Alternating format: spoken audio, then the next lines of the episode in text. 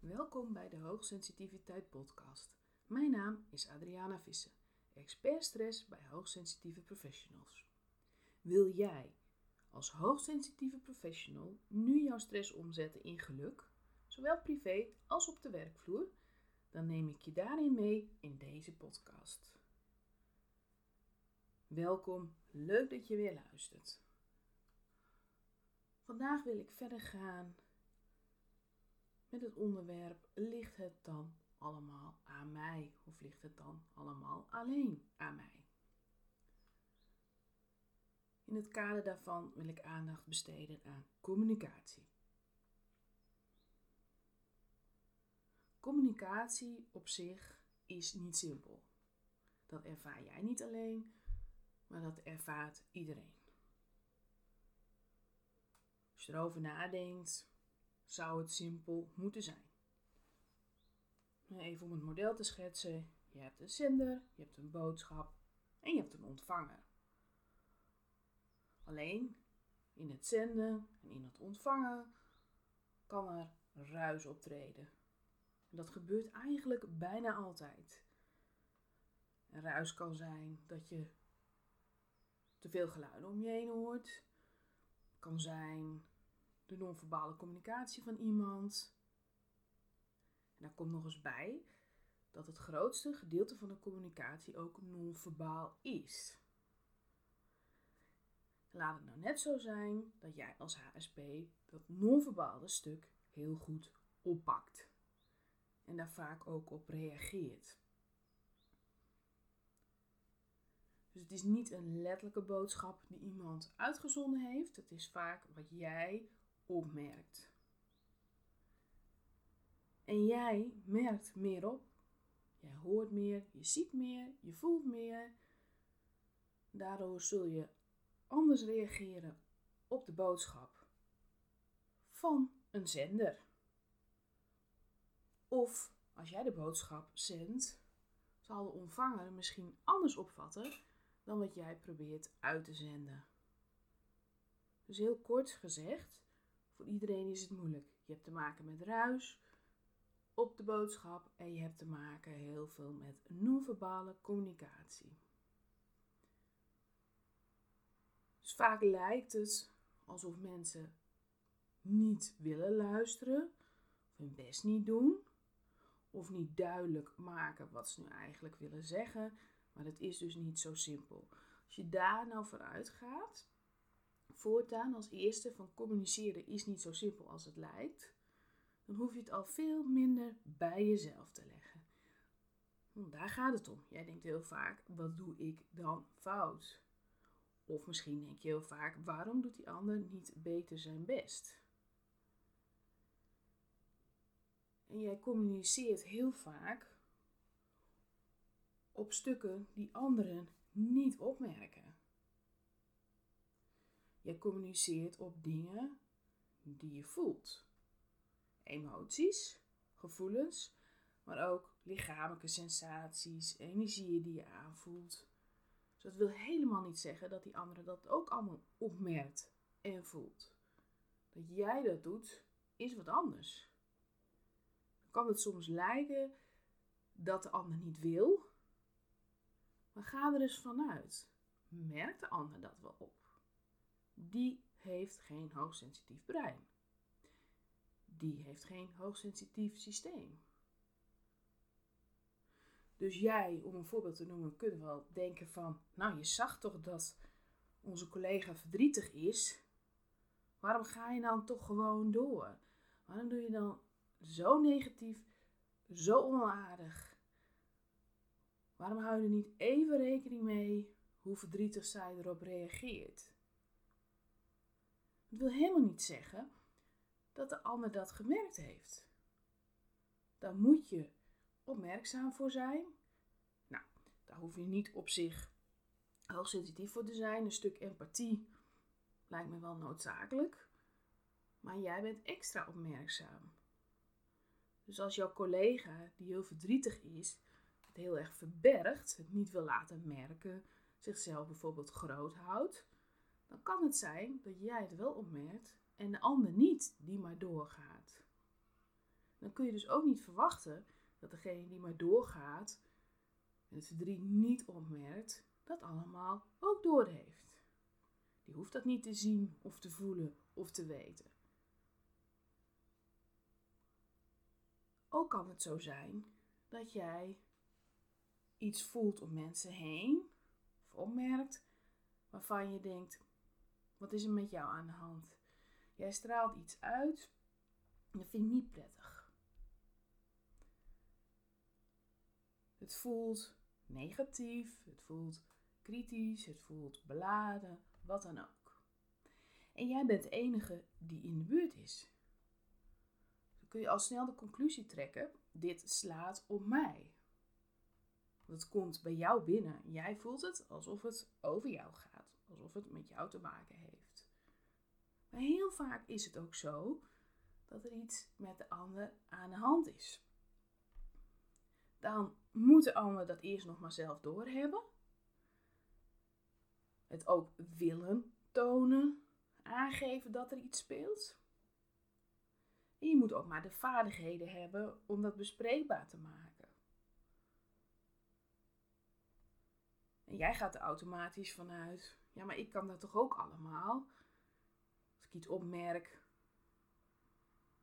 dan laat ik dat merken, benoemen. Ja, dan benoemen. Misschien vind jij dat wel duidelijk, maar jouw manier van communiceren kan soms ook voor de ander onduidelijk zijn. Dus jij denkt heel vaak: ik zou dat anders doen, ik zou daar duidelijker in zijn, ik zou dat kunnen merken. Maar besef dat de ander dat ook maar net moet kunnen. En dat is niet altijd zo. Dus je hebt bepaalde verwachtingen van een ander die je waarschijnlijk baseert op hoe jij met andere mensen omgaat. Het is dus belangrijk dat je je verwachtingen bijstelt. Iedereen communiceert anders. Je nou hoogsensitief bent of niet, dat maakt verschil. Maar ook nog eens welke communicatieve vaardigheden heb je? En wat voor communicatieve stijl? De een is heel sturend, heel directief. Sommigen zijn meer confronterend. En jij zult sneller streven naar verbinding. Het slaan van een brug, zodat het voor jullie beiden goed uitpakt. Dus ook communicatiestijlen werken mee. Daarnaast heeft iedereen een ander referentiekader. En dat wordt gevormd door alles wat jij hebt meegemaakt in de loop der jaren. En dat kleurt jouw blik op de werkelijkheid. Je kunt het zien als een bril die je opzet. En iedereen heeft een andere bril. Een andere kleurbril, een andere sterktebril. Dus je kijkt door een andere kleurbril en soms zie je het scherper en soms juist minder scherp. Soms zie je meer wat veraf gebeurt, soms wat meer dichtbij gebeurt. Dus iedereen heeft zijn eigen kijk op de werkelijkheid. Die is bij iedereen verschillend en heel erg gevormd door wat er in de loop van hun leven gebeurd is. Ook dat speelt mee. Verder is het van belang dat je beseft dat heel veel mensen proberen te communiceren op wat feitelijk lijkt, wat zichtbaar is, dus de boodschap op zich. En als HSP heb je heel erg de neiging om het te gaan hebben over wat ik al zei, non-verbale stuk, maar ook wat onder de oppervlakte ligt. En dan kijken mensen je vaak al vreemd aan van waar heb je het nou over? Dat heb ik helemaal niet besproken, dat heb ik helemaal niet gezegd. Waar haal je dat nu vandaan? Dus dan mag je ook beseffen dat de ander vaak op een meer feitelijk, rationeel stuk, zichtbaar stuk, hoe je het moet noemen, communiceert. Meer op de boodschap op zich. En jij merkt al die lagen daaronder op. En je kunt niet verwachten dat anderen dat ook doen of dat ze dat kunnen volgen. Dus ligt het nou allemaal alleen aan jou? Nee, jij hebt bepaalde verwachtingen. De ander heeft bepaalde verwachtingen. Jij bent inderdaad hoogsensitief, maar je kunt ook beide verschillende communicatiestijlen hebben. Je kunt anders in elkaar steken. Wat bij iedereen natuurlijk zo is. Het heeft ook erg met je persoonlijkheid te maken. De een communiceert zus, de ander communiceert zo. Heeft dus verschillende communicatiestijlen. Dus je mag beseffen, het is niet zwart-wit die communicatie. En als er iets niet goed verloopt in die communicatie, en wat is niet goed, eruit optreedt, dan hoeft dat niet automatisch aan jou te liggen en aan het feit dat jij hoogsensitief bent. En het hoeft ook niet aan de ander te liggen. Het is heel mooi als je eens gaat analyseren. Als je eens wat afstand neemt en meer gaat waarnemen. Wat gebeurt hier nou eigenlijk in de communicatie? Wat doe ik? Wat doet de ander? Dus minder erin duiken. En dan zie je ook bepaalde patronen. Wat mij verder heel erg opvalt, om nog eens een voorbeeld te noemen, is um, dat heel veel HSP reflecteren veel op zichzelf, op hun communicatie. En hebben daardoor vaak de neiging om alles naar zichzelf toe te trekken. Dus stel, er is een conflict opgetreden op de werkvloer. Dan gaan ze kijken naar, ja, ik zal wel zo geraakt zijn omdat ik zo gevoelig ben. Ik zal wel geraakt zijn door de dingen die ik vroeger heb meegemaakt. Maar dat wil nog niet zeggen dat als de ander een reactie heeft die misschien bijvoorbeeld buiten proporties is, dat dat met jou te maken heeft. Dat kun je wel allemaal bij jezelf zoeken, maar iemand vertoont wel bepaald gedrag. En jij hebt daar wel bepaalde gevoelens bij. Dus het is ook weer niet de bedoeling dat je ontkent wat je voelt, dat je ontkent wat je opmerkt. Dat is er wel degelijk. De ander laat ook signalen zien. Dus je hoeft niet ineens alles wat je opmerkt weg te schuiven, alles wat je voelt weg te schuiven. Het is er wel degelijk. In communicatie heb je altijd meerdere partijen. Dus kijk naar je eigen aandeel, maar laat het aandeel van de ander ook bij hem of haar. Iedereen heeft zijn eigen verantwoordelijkheid in de communicatie. Jij bent niet degene die het allemaal moet doorzien en allemaal moet oplossen. Dus kijk naar je eigen aandeel. Laat het aandeel van de ander bij hem of haar. En probeer meer waar te nemen, meer te analyseren. Wat gebeurt hier nou eigenlijk? Nou, wil ik het ook nog even doortrekken naar de privésfeer, de communicatie daarin. Ik had het zo net al over verbinding.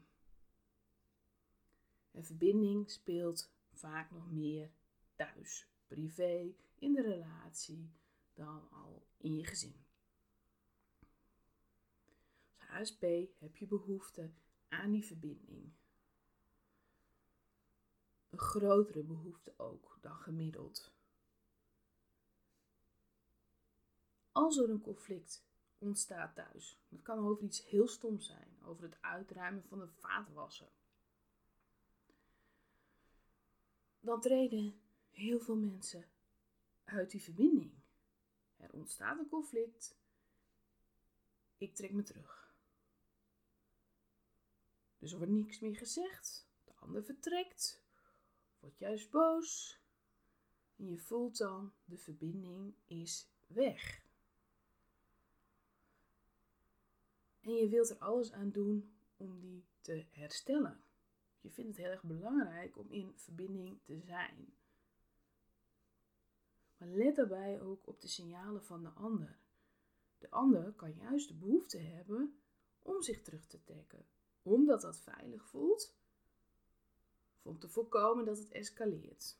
Dus de ander bijvoorbeeld denkt, ja, als ik hier nu blijf staan en we gaan verder met dit gesprek, dan ontplof ik. Dus probeer ook dan waar te nemen. Wat heeft de ander nodig? Welke behoefte zit hierachter? Jij hebt de behoefte misschien om je verbinding te herstellen. De ander heeft juist de behoefte om even met rust gelaten te worden, om tot zichzelf te komen. Dus besef ook, emoties hebben altijd te maken met behoeftes. Dat kun je op je werk zien, door meer waar te nemen, meer te analyseren. Maar ik zou dat zeker privé doen. Waarom reageert de ander zo? Stel je voor omgekeerd dat de ander ontploft omdat jij de afwasmachine niet hebt uitgeruimd. Dan is dat natuurlijk een reactie die buiten proportie is. Dan kun je wel ingaan op de ontploffing en dat het nergens op slaat. Want het is maar een afwasmachine, waar doen we moeilijk over? dat kan straks ook wel. Als iemand ontploft om zoiets, dan ligt er wat onder. Bepaalde behoeftes. Niet gezien, niet gehoord voelen door jou bijvoorbeeld. Ja, dat kan je ook overkomen, hè? Ook al ben je hoogsensitief. Je bent geen supermens. Je kunt niet altijd de ander zien of horen. Of er is een conflict geweest op het werk, waardoor je partner nu ineens ontploft. Dus verbinding en je volledig ergens instorten is niet hetzelfde. Je kunt toch streven naar verbinding en vanuit verbinding gaan waarnemen. Ik ben betrokken bij jou. Wat heb jij nodig? Waarom toon jij deze emotie? Waarom ontplof jij? Wat zit hieronder? Zit hieronder dat je met rust gelaten wilt worden? Zit hieronder dat jij je als kind niet gezien of gehoord voelde? Of zit hieronder dat het op het werk heel erg vervelend was? Omdat jouw baas altijd commentaar op je heeft. Wat is er eigenlijk aan de hand? Kort samengevat, communicatie is niet simpel. Dat geldt voor iedereen. Kijk naar jouw aandeel. Kijk naar het aandeel van de ander. Probeer meer waar te nemen. Wat gebeurt hier? Wat is hier aan de hand? Welke behoeften spelen mee? Wat is er gebeurd? Stort je er dus minder in. Neem wat meer afstand en ga meer waarnemen. Wat gebeurt hier nou eigenlijk? Ik weet dat het nog niet zo simpel is. Vind je dit nu lastig? Dan heb je zoiets van: vind het fijn als je even meedenkt, meekijkt, zodat ik die patronen beter kan doorgronden. Dat ik zie wat van mij is, maar ook wat van de ander is. Je weet het, dan kun je naar www.adrianavisser.nl gaan en een introductiesessie boeken. Gaan we samen kijken wat er speelt, wat jij nodig hebt. Of het nou therapie is, of coaching, training. Vertel eens je verhaal, aandachtspunten, je doelen. En dan gaan we samen kijken wat een passend traject voor jou is. Bedankt voor het luisteren en tot de volgende keer. Dag!